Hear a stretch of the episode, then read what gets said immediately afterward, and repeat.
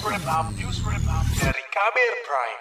Saudara kritik dan protes datang dari berbagai kelompok masyarakat untuk Jokowi di tahun terakhir masa jabatannya sebagai presiden, mulai dari akademisi, LSM, dan tokoh masyarakat.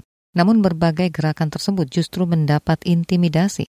Selengkapnya simak dalam laporan khas KBR yang disusun Astri Yuwanasari.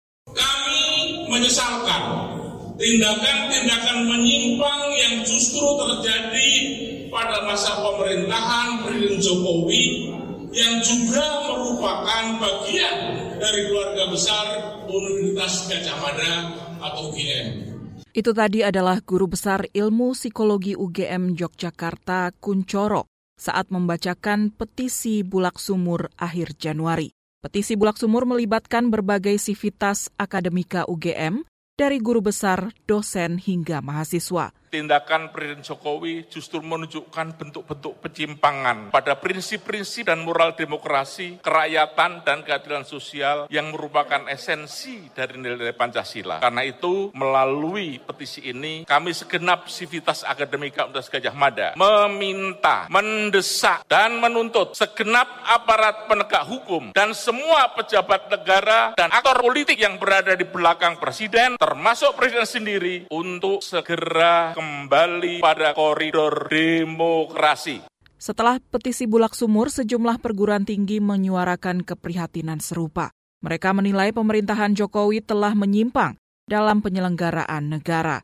Salah satunya dari kalangan guru besar Universitas Indonesia atau UI, Ketua Dewan Guru Besar UI Harkristuti Harkrisnowo.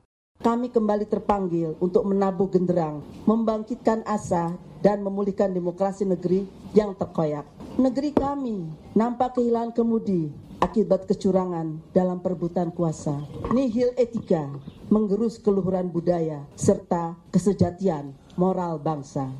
Selain kalangan akademisi, sejumlah organisasi masyarakat dan LSM juga mengkritik sikap dan kebijakan Presiden yang dinilai menggerus tatanan demokrasi Indonesia.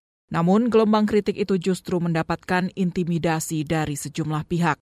Ketua Dewan Guru Besar UI Harkristuti Harkrisnowo mengaku sempat diintimidasi setelah menyuarakan kekecewaan terhadap rusaknya tatanan hukum dan demokrasi menjelang pemilu 2024.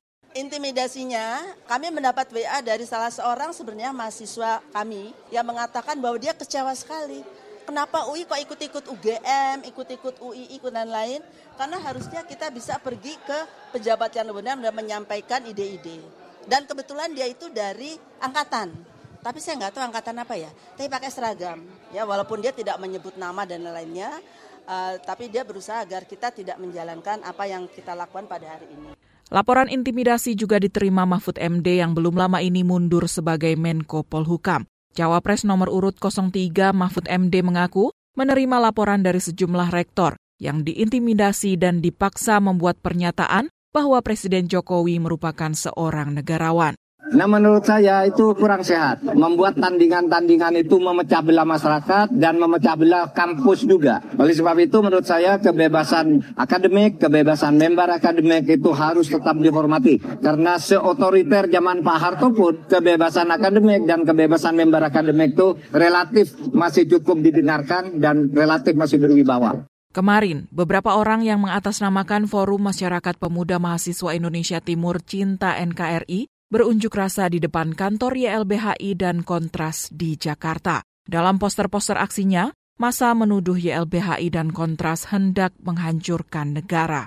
Koordinator Komisi untuk Orang Hilang dan Korban Tindak Kekerasan atau Kontras, Dimas Bagus Arya, membantah kami sama sekali tidak benar ketika dituduh kemudian menginisiasi gerakan pemakzulan. Karena sekali lagi yang mau saya sampaikan, gerakan ketidakpercayaan publik atau rakyat terhadap pemerintahan Presiden Jokowi itu muncul dari gerakan rakyat, bukan gerakan yang kemudian diinisiasi atau gerakan yang dimotori atau dipelopori oleh sejumlah pihak. Ketua Umum Yayasan Lembaga Bantuan Hukum Indonesia atau YLBHI Muhammad Isnur juga menerima laporan upaya intimidasi dari berbagai wilayah.